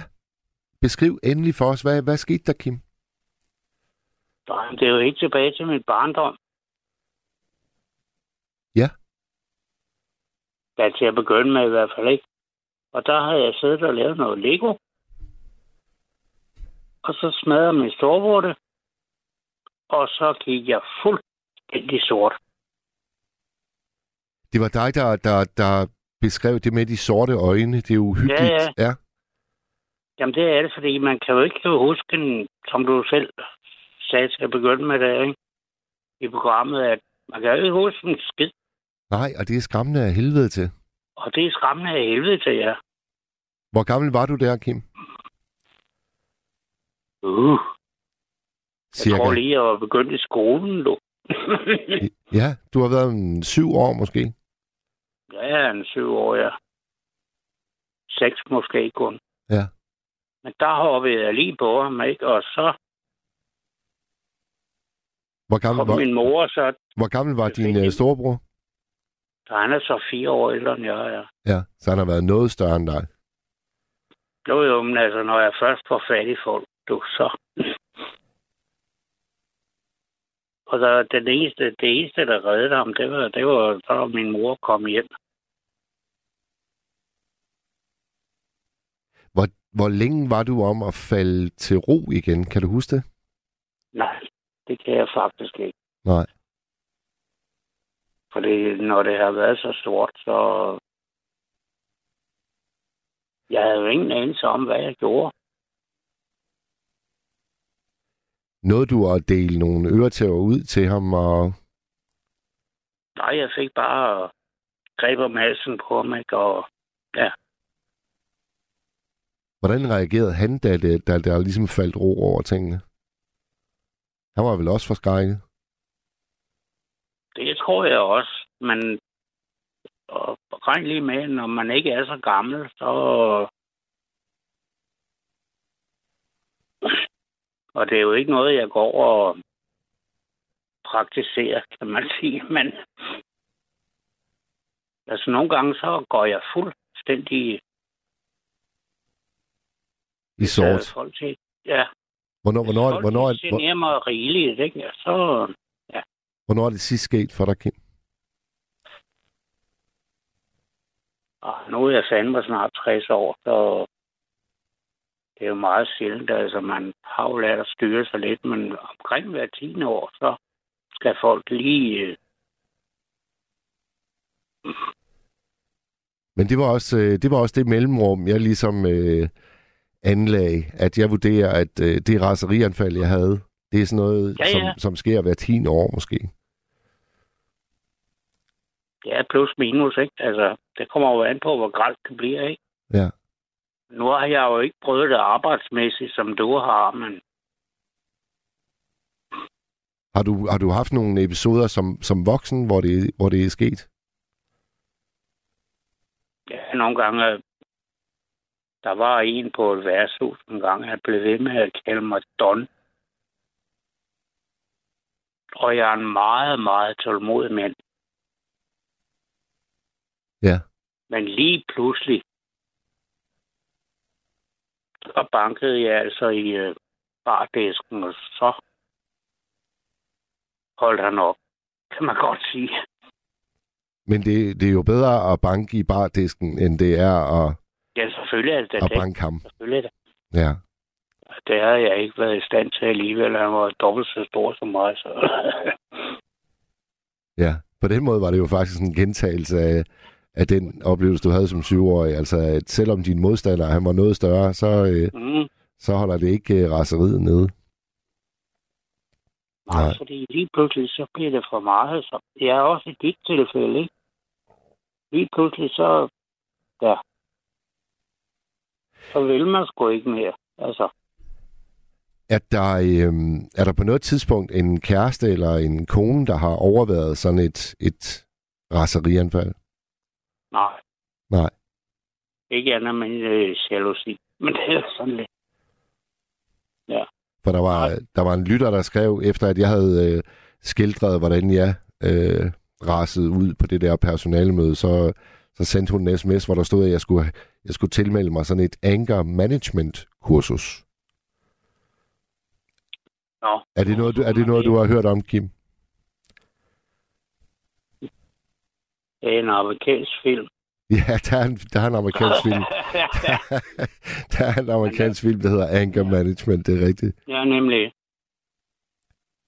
Nej, det, jamen det tror jeg da ikke, at almindelige mennesker har brug for, men det, det er jo trods alt ikke alle, der farer op og banker folk og Jeg er i hvert fald, jeg er i hvert fald glad for, at øh, de gange, som regel, ja, jeg er glad for, at de gange, det er sket for mig, der har det aldrig fået sådan et fysisk udtryk. Nej. Altså, det har været øh, mine lunger, der har været på overarbejde, og de har så brølet, ja, brølet vreden ud. de brølet, ja. Ja. Jamen, jeg har også kun prøvet den der, hvor jeg gik helt sort øh, to gange, tror jeg. Hvor jeg virkelig blev håndgribelig. Men Det der med, at du i din sms øh, beskrev de sorte øjne, altså hvor, hvor, hvor kom den fra? Fordi altså, du har vel ikke kigget dig i spejlet umiddelbart efter, at du har raset? nej, men folk siger, at jeg får sorte øjne, når jeg bliver helt op. Nå, okay, der er simp- det er simpelthen nogen, der har øh, Ja. givet den beskrivelse. Det. Ja, Blev du ikke forskrækket, da du hørte det første gang? for jeg vidste jo ikke, hvad det betød dengang, jo. Nej. Men øh, Hvor ringer du egentlig fra? Øh, hvor ringer du fra i landet, Kim? Falster, Du er fra Falster. Okay.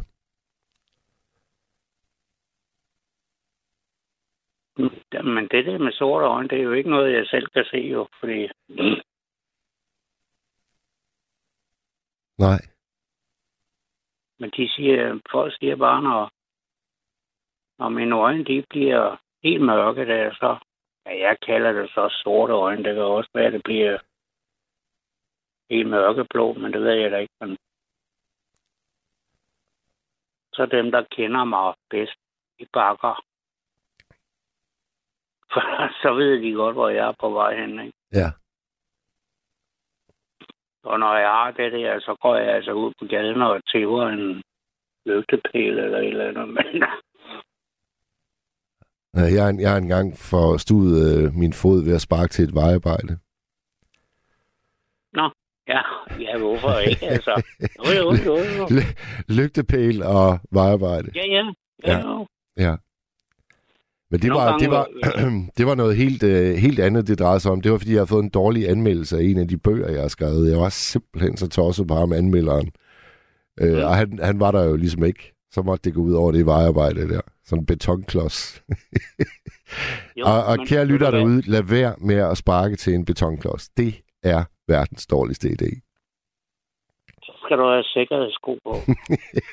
Ja, det er rigtigt. ja. Og så heller døde ting, man... Kim, har du, øh, har du øh, børn? Hvad har jeg? Og er, er, er de også, øh, hvad skal man sige, er de også i stand til at, at rase, som du har været i stand til? Hvem mener du? Ja, altså øh, det temperament, som nogle gange kan komme frem i dig, selvom du er en meget, meget tålmodig mand. Er det noget, der er gået i arv hos dem? Hos min hvad? Jeg har ikke børn, hvis det var det, du tænkte på. Nå, men jeg, oh, jeg synes, du sagde, at det havde Nå. du. Undskyld. Nej. Det er, mig, det er mig, der hører forkert. Jeg har sgu ikke børn. Okay. Det synes jeg ikke egnede mig til at få sådan nogle. Nå, hvorfor, hvorfor ikke det, øh, Kim? Mm. Jeg tror, jeg har været en lige så dårlig far, som min egen far var. Så Ah, okay. Ja. Så jeg tror, det har mere eller mindre været ubevidst valg, Ja. kan man sige. Altså, jeg tror, jeg tror der, er, der er flere øh, mænd, end man lige regner med, som stiller sig selv det spørgsmål. Ja. Vil jeg blive en god far? Og jeg var ja. altså, jeg var også i tvivl. Det var ikke noget, jeg bare tog for givet. Selvfølgelig bliver jeg det. Nå, men det er jo det. Altså, ja. Altså, min far var jo alkoholiker og alt muligt. Det er fred med ham, ikke? Men han var jo ikke voldelig i den forstand, jo. Nej. Så, men alligevel var han jo... Han var jo altid på arbejde, eller også var han døddrukken, når han kom hjem, ikke? Ja. Så nej. Jeg har for meget af hans gener, tror jeg. Men du, øh, du lyder bestemt ikke øh, beruset her i nat. Det er jeg bestemt heller ikke endnu. Endnu. Okay, du, du sidder måske og får en lille, en lille en over tørsten. Ja, det gør jeg faktisk. Ja.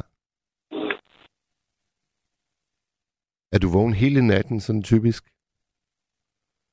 Mm, nej. Hvornår? Altså, jeg plejer at høre jeres program der. Ja. Og så hvis jeg er søvnig nok, så, så går jeg i seng, ellers sidder jeg og spiller lidt på computeren. Ja. Du bor alene? Ja. Ja. Og du har ikke en hund eller en kat eller... Jeg vil godt, men jeg må ikke. Det er ejendommens regler, eller... Ja, ja, det er det sædvanlige. Det er ikke. Åh, oh, ja. man kan ikke få dispensation til... Ja, men så skal alle de andre også have sige det godt. ikke? Ja. Er der, er der slet ikke noget, man må holde? Altså, hvad med akvariefisk eller fugle, eller... Ah, Det er sgu ikke det samme, dog. Nej, det er rigtigt. Undskyld udtrykket, men jeg gider jo ikke at kigge på sådan en akvariefisk. Det. Nej, nej. ja. Jamen, det var sådan set også det eneste, jeg havde at sige. Ja, ved du hvad, Kim? Du var det, noget ud af må, det. Jamen, det er bestemt. Og må jeg lige spørge dig, var det, var det første gang nogensinde, du har ringet ind? Ja. Jamen, det synes jeg nemlig godt, jeg lige kunne fornemme på dig. Og ved du hvad, så vil jeg bare jo. sige uh, dobbelt tak, fordi at du, uh, du gjorde det. Jeg synes, det er uh, vidunderligt, hver gang, at det er en helt ny stemme, der, der blander sig i... Ja, okay. Ja. Tak for det, Kim. Det skal du ikke tage for. Og øh, Det kan, det kan jo være, at jeg er blevet så modig. Jeg kan prøve igen jo en anden gang. Så. og det vil jeg sætte pris på. okay. Godnat, Kim. Og tak. Men jeg tænder radioen igen, og Det er perfekt. tak for sluderen, du. I lige måde. Ja. Hej, hej. Hej, hej. Hej.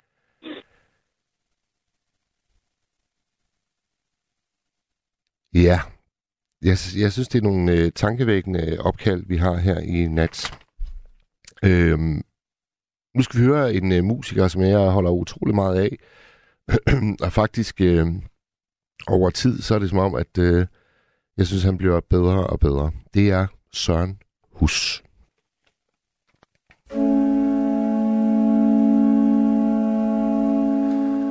Alt er gået langsomt og roligt væk fra ensom. Men stadig følelsesbristede er alt det, der forbliver. Her går endnu en på held på et frostklart himmelvælv Genopslidte vandresko går afsted for at finde fred i et minde.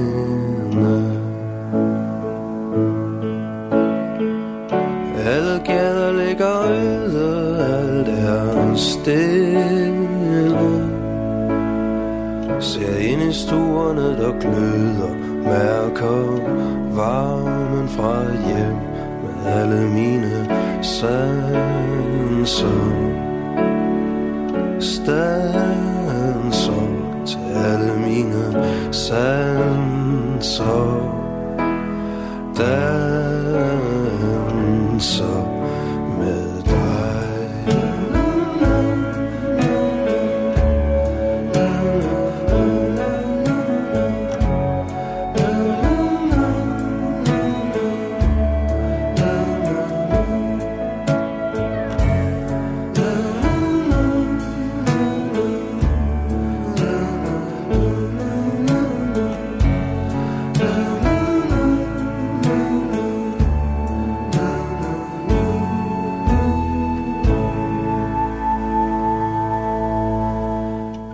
Åbner lukker ind. Skæv fra dit lyse sind. Storisk rolige øjne ser ind i alvorens mørke. Er tilbage.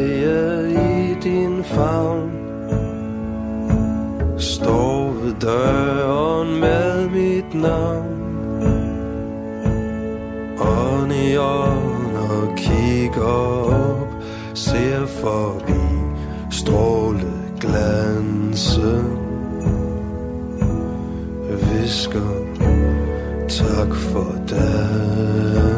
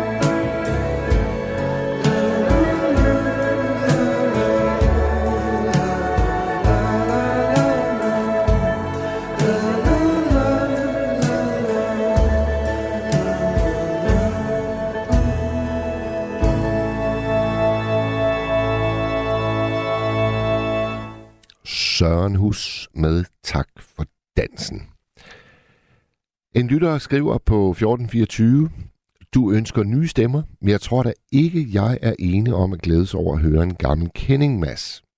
Ja, det, ved du hvad, det er jeg altså enig i. En, en cocktail mellem gamle kendinge og så helt nye stemmer. Det er øh, for mig det helt perfekte mix. Så skriver Birgitte, jeg elsker, elsker den sang. Søren Hus er fantastisk. Ja, det synes jeg også. Nu tror jeg, vi skal tale med... Øh... Ja, hvem skal vi egentlig tale med? Hallo? Nå, okay, men jeg vidste ikke, jeg var på. Det er du. Velkommen til nattevagten. Ja, jeg hedder Birgit. Og hvor ringer du fra, Birgit? Øh, Odense. Og hvad har fået dig til at ringe ind? Jamen, jeg vågnede først ved et-tiden, og øh, så spekulerede jeg på, hvad handler det om i aften? Fordi der, der var der jo en historie om Twin Towers. Ja. Jamen, Vi har, vi har, vi har været omkring øh, tvillingetårnene, så har vi været omkring Peters beskrivelse af sin fars sidste stunder, og så har vi været omkring Kims raserianfald, da han oplevede, at storebroren han ødelagde det Lego-byggeri, som syvårige Kim han havde gang i. Det er sådan en opsummering af de øh, fortællinger, vi har haft. Det, ja, og så var det noget med, at du forstod en fod, fordi du blev gal. Ja, jeg fik en dårlig anmeldelse. Åh, oh, ja. Nej, men altså, det der med temperament, det kan, jeg ved ikke, det tror jeg ikke, men der er nogen af os, der kan løbe fra, når det kommer til stykket.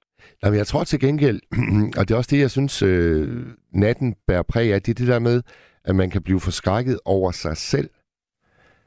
Altså, hvis ikke man er sådan en, der, du ved, øh, har et hissigt temperament til daglig, og det vil jeg godt nok øh, våge at påstå, at det har jeg ikke.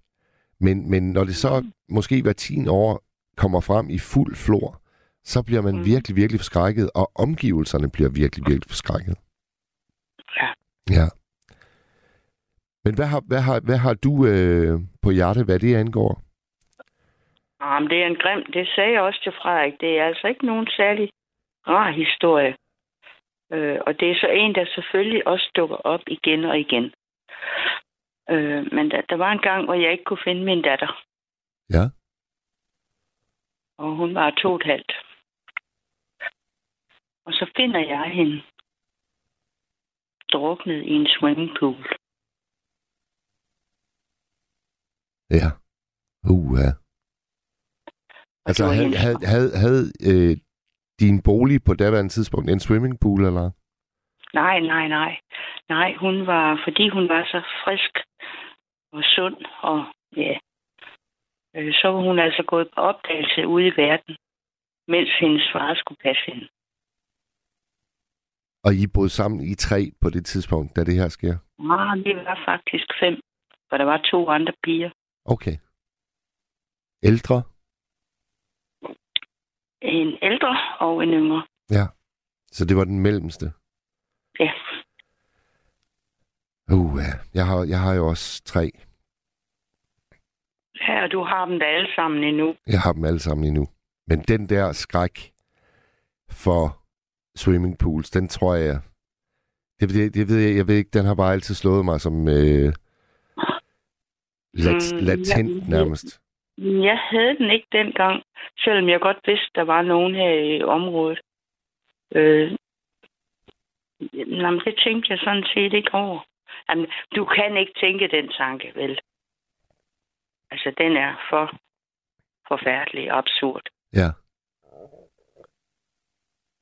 Hvor længe, hvor længe havde hun kunne gå? Hun var to og et halvt. Ja. De går cirka, når de er et år. Jeg kan ikke huske præcis, vel? Nej. Det, det må du vide, hvornår dine piger begyndte at gå. Eller er det piger alle tre? Og to, øh, to piger og en dreng. Ja, de går omkring, når de er et år. Ja. Og, nej, hun var god til at gå.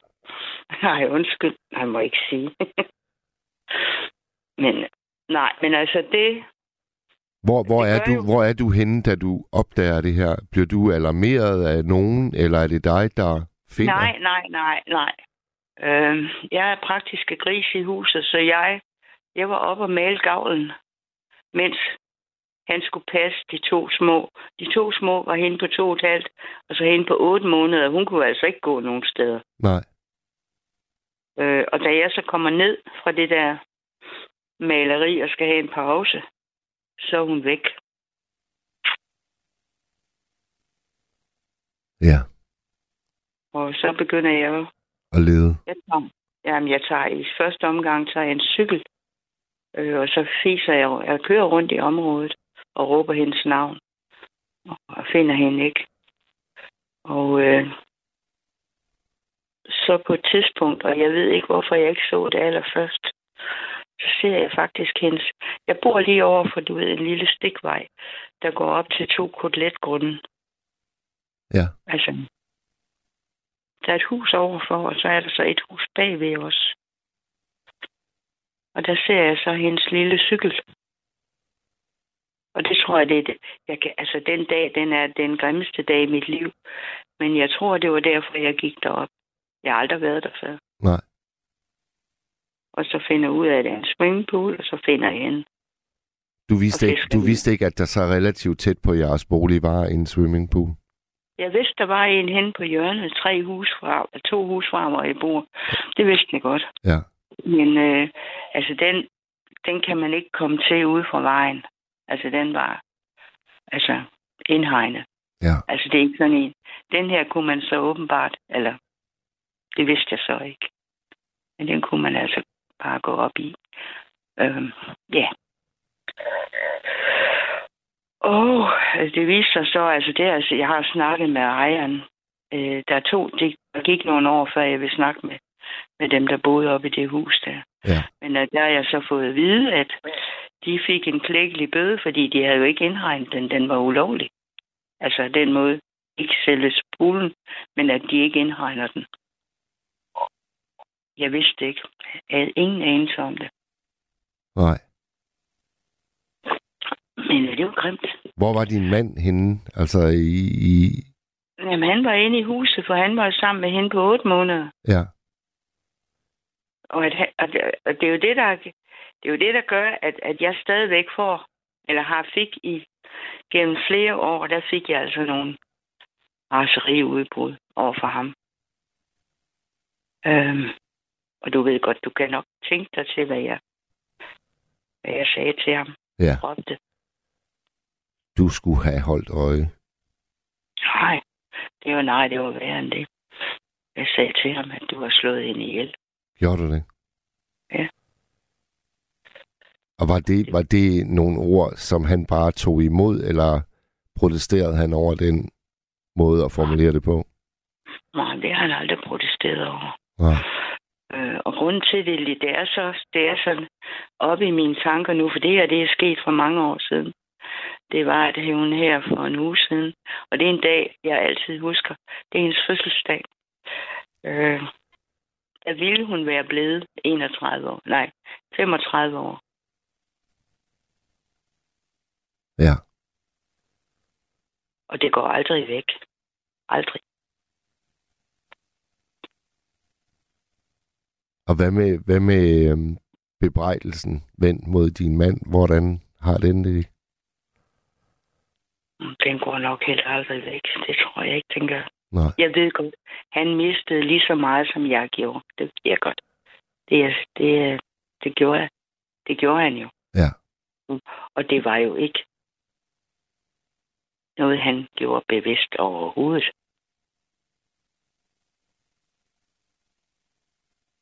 For det gør man ikke. Nej, det er det. Og du vidste, hvis du kan huske, da dine små var to og et halvt år, de er altså over det hele. Ja. Og de er nysgerrige, Ja, hvis de ellers er raske børn. de er i den grad nysgerrige. Ja. Og, og det, er jo, det er jo glædeligt, at de er det. Det er jo, det skal de jo være. Men altså, voksne skal jo passe på dem. Ja. Mm. Hvornår i... øhm, Altså, jeg, jeg, jeg synes jo, noget af det mest vemmelige, man kan opleve som forældre, det er, når ens barn er væk. Og det tror jeg Ja. er noget, vi alle sammen har, har prøvet. Øhm, men der, der oplever man jo faktisk at være ude af sig selv, synes jeg, og have svært ved at bevare overblikket. Mhm. Da, da du cykler rundt i nabolaget, er, er du ikke fuldstændig ude af dig selv der, eller kan du faktisk jo, godt... jeg er der. Jo, det kan du da lige tro. Og da jeg så finder hende, det er sådan noget, jeg, fordi jeg kan nemlig ikke huske. Øh, altså, det, det er noget, der, der, der, der er væk, men det har jeg så fået fortalt, at jeg skreg som en vild. Ja. Og det kan jeg ikke huske overhovedet. Øhm, og det var så grunden til, at der kom to, to til, øh, som så de, den ene var en falkredder, hendes, øh, ovenikøbet hendes gudsfar, og så en genbo, som øh, de begyndte så at genopleve hende. Og, øh, og de siger så til mig, at jeg skal gå hjem og ringe til... Altså, det, det hed ikke 112 dengang, jeg tror det. Det er det 000, jeg kan ikke huske det. Nej. Jeg kan ikke huske det. Det er sådan noget... Altså, Så altså dem, dem, dem der bor øh, i huset, hvor der er en swimmingpool, de er faktisk ikke hjemme, da det her det sker. Det viste, jo, det viste sig, at det var sønnen. Men han, altså, det var sådan, du er en teenage-søn. Øh, og han, han sidder, og, han sidder og ser en video. Han aner ikke, hvad der foregår. Hold Altså, kæft, du kan mand. godt, du kan godt, jamen du kan godt, kan du ikke se en, en dreng på Jo, jo, jo. 16, jo, 16 jo. 17 Han, år? han hverken hører eller sanser noget som helst andet end det, han lige er optaget nej, af. nej, nej, nej, nej. Det kan du heller ikke bebrejde ham. Det kan du altså ikke. Nej. Han var alene hjemme, da det skete. Altså det. Øh, fordi jeg har jo, der gik altså, der gik mange år, før jeg overhovedet tale med det hus. Altså, det må du undskylde. Men altså, man får sådan en fobi. Ja. Og de har jo heller ikke gjort noget. Og knægten der har jo heller ikke gjort noget. Nej. Øh, men der gik rigtig mange år, før jeg ville have noget med, med det hus at gøre. Men altså i dag, der snakker jeg, manden han er over 80, ham der ejer huset. Og han mistede så sin kone, og der har jeg så fået at vide af min genbo, at øh, konen kom aldrig over den ulykke øh, med vores barn. Nej. Øh, hun døde af kræft, men jeg tror ikke, man kan koble hendes kræftsygdom med drukneulykken. Det tror jeg ikke, man kan. Nej. Øhm, det, det, er bare, det har jeg fået at vide både af manden, altså der mistede sin kone, altså som har sagt, hun kommer aldrig over det. Men altså, jeg tror, jeg tror stadigvæk ikke, man kan koble de to ting. Det tror jeg ikke på. Det kan godt være, at hun ikke havde kræfter til at komme sig af sin kræftsygdom. Det ved jeg ikke. Nej.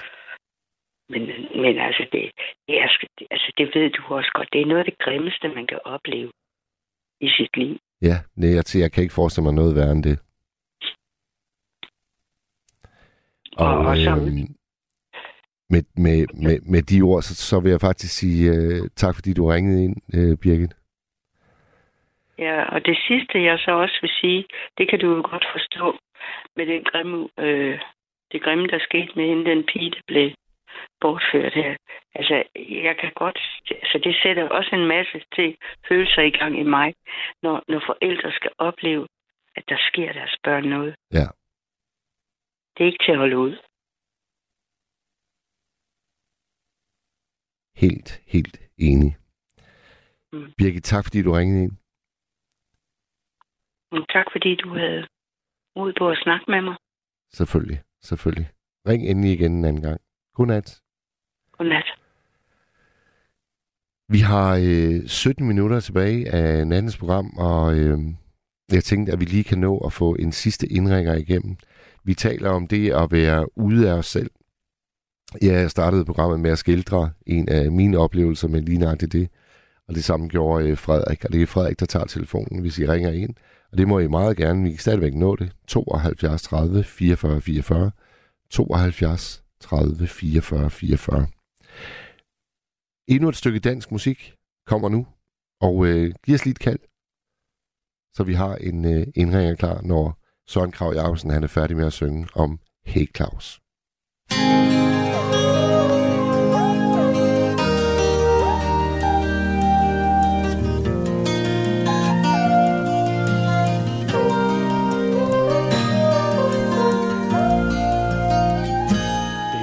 gynger, det gynger Der er tøbrød i isen og sovsen skiller.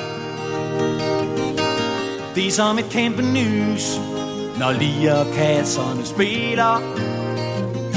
Og du kan hverken finde hoved eller hale For du rødmer når du skal grine.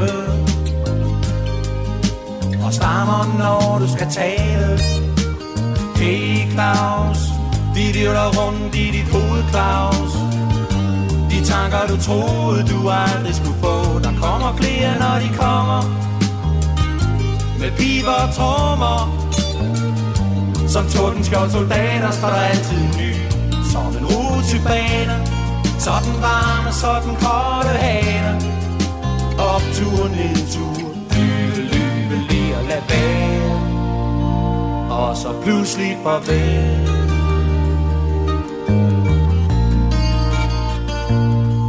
Suser, det suser. Der er kulørte damer i den fine stue. De som kriger kakao med. Hvad for en hånd skal du nu bruge? For der er ingen, der fortæller det hele. For de er lige så forvirret derinde. Og uden sikkerhedssele Hey Claus De vivler rundt i Claus. De tanker du troede du aldrig kunne få Der kommer flere når de kommer. Med piber og trommer. Som tordenskjold soldater står der altid ny Som en rusjebane Så den varme, så den kolde hane. Optur, nedtur Lyve, lyve, lige og lad være Og så pludselig farvel.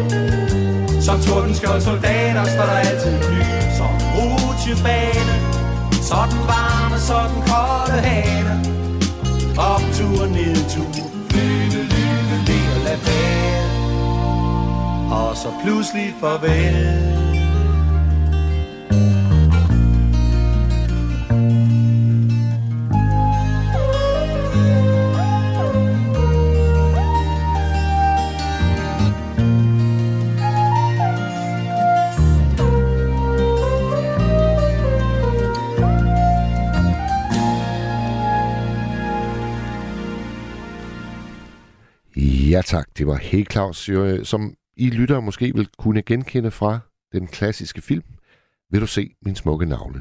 Og sangeren var selvfølgelig Søren Krav Jacobsen. Nu skal vi øh, sandsynligvis have nattens sidste stemme igennem. Er det, øh, er det Flemming, vi har med os? Ja, det er det. Den er god nok. Det er Flemming. Og hvordan går det med dig, Flemming? Jo, lige nu øh, moderat humør, eller hvad man skal sige, uden jeg, uden jeg stemmer på moderaterne, det kunne jeg altså godt nok ikke drømme om. Nej, de har, de har jo også nogle sager, der ligger og rumsterer i øjeblikket. ja, det er ikke lige min kop te. Det uanset om der er sager eller ej, det må de selv om. Det må de selv råde med. Ja. Hvad, hvad, hvad, hvad råder du med, Flemming? Nå, nå, men jeg tænker på bare det med at være ude af sig selv. Altså, altså jeg har jo levet et helt vanvittigt tra- traumatisk liv. Altså, øh, min læge øh, fortæller mig, og min afdøde læge, som var i samme øh, praksis, øh, øh, har fortalt mig, uh, de har fortalt mig uafhængigt, at jeg er fem gange så traumatiseret som en gennemsnitsborger. Nå. Dansk. Og hvor, hvor, hvornår, sige, hvornår jeg- startede, øh, startede det, Flemming? Altså, hvad er det for nogle oplevelser, du har haft? Ja, det er, det er et hav. Altså, det kan jeg simpelthen ikke re- remses op altså, på så kort tid. jeg, kan, jeg kan skrive en, en horrorbog om, om, altså, uden at overdrive det mindste overhovedet. Ikke noget for en, mens, for en München- Münchhausen-syndrom eller noget. Altså, jeg kan skrive en bog, øh, og det vil leve folk koldt ned ad ryggen, altså, i hvert fald hvis man bare har en smule empati. Ja. Og tænke, den, den mand har godt nok været igennem. Og der er også mange, der siger, at det er utroligt, at overhovedet er i live. Men Altså- Flemming, Flemming øh, kan, du ikke, kan du ikke prøve at, at Og tag os med, tag os med tilbage til, til, hvornår du synes, det, det ligesom startede. Var det, var det, var det da du var dreng, eller? Altså, jeg kan, for eksempel en af de oplevelser, jeg kan huske, øh, min far, han, han, vi boede i Østerbro, på Østerbro i Aarhusgade. Ja. Øh, dejligt område. Jeg var venner med, med halvdelen af de handlende, øh, butikshandlende, altså butiksdrivende. Der var mange små butikker og viktuelle handler og alt muligt, men nok om det. Dem, dem, dem havde jeg nogle, en masse gode relationer til. Men, men øh, øh, hvad fanden var det, der skete? Der var nu, det var... Øh, øh, øh, øh, det var vist ikke lige der, hvor han... Nej, men da vi kom til Rødovre, der... Um, jeg skal lige tænke tilbage, for der er så mange traumer derfra. Altså, der var jo blandt andet... Øh, en, en, en, ja, hvad var jeg? Jeg har nok været 10 eller 11, cirka, sommeraften. Ja. Og der mødte jeg en mand, mødte og mødte. Øh, han spurgte mig, og han sagde til mig, prøv at se, eller prøv, prøv, prøv at hun sagde, han sagde, øh, jeg kan huske, jeg glemmer aldrig det ansigt, han havde sorte briller. Øh, og han havde mørkt hår. Øh, og jeg skal ikke beskylde nogen for noget, men han, han var såkaldt pærdansk, uden at svine nogen til. Han sagde så, du ser ud til at være en stærk ung mand, sagde han så. Og jeg har noget, jeg har noget træ derhjemme i min have, Ja sagde han til mig. Og, og jeg har brug for noget hjælp til det, og der var det begyndt at blive aften efterhånden. Øh, og hvad har jeg været? Jeg har vel nok været højst 11 år. Øh, og øh, så øh, spurgte han mig, om jeg ville tjene 50 kroner på, at, at, at, at øh, ja, det kryb. Må han få savet også en af, hvis han er i live. Jeg mener virkelig, hvad jeg siger. Øh, men altså, om jeg ville tjene 50 kroner på at, at, at bære det træ der sammen med ham, Ja. øh, som, han, som han havde. Og jeg var jo naiv og godtroende. Jeg fattede ikke mistanke mærkeligt nok på, hvad han egentlig havde. Jeg kunne ikke, jeg kunne ikke lure ham af. Altså, jeg var, det var utroligt, at jeg ikke kunne lure det af. Det undrer mig. Jeg ved ikke bebrejde mig selv det, men... Men øhm, altså... Nå, men vi kørte så til... Jeg tror, det var... Øh, Tårnvej, tror jeg nok, det var. Det, der, lå, der lå nogle i Røde, der lå nogle, sådan nogle rækkehuse, som er udlejet. Altså, er udlejningsboliger Ja. som fungerer som rækkehus. Og der kørte vi hen til hans adresse. I hans, han havde en Ford, Ford skal jeg huske. Altså, jeg tror, det var en Ford Taunus, sådan flad en. Og jeg mener, den var hvid. Øh, og så hen til hans adresse der. Og det første, jeg ser, da jeg går ind af døren og kommer ind af entréen, ud, passerer entréen ind til stuen, så ser jeg et palisanderbord. Du ved, øh, det er et tigtræsbord. Øh, og så en, en lille brikseng af en art. Og så på det bord, der var helt blank, der var, der var helt fuldstændig ryddet op. Fuld, totalt ryddet op. Han var et ordensmenneske krybet, den satan. Så lå der en stor fed køkkenkniv på bordet. En stor fed... Hvad? Køkkenkniv. Ja. Og der, der, der ringede alarmklokkerne i. I mig. Og jeg vil ikke bebrejde mig selv, men jeg ville ønske, at jeg havde taget den køkkenkniv og stukket ham, stukket ham ihjel. Fordi at han øh, sagde, at jeg skulle tage mine bukser af. Og det vil jeg heller ikke skamme over at sige for, for, for øh, så og så mange tusind eller, og tusindvis og tusindvis af lyttere. Det vil jeg ikke skamme over, for det var mig, der var offeret. Øh, ligesom så desværre alt, alt for mange børn er ofre den dag i dag, og i morgen, og i overmorgen. Også i Danmark. Ja. Ja. Øh, jeg turde ikke andet. Og så... Øh, så øh, for at sige det lige ud, han suttede på min tissemand. Og jeg, jeg var rædselslaget for ham, fordi han havde den der lortekniv der på bordet. Ja.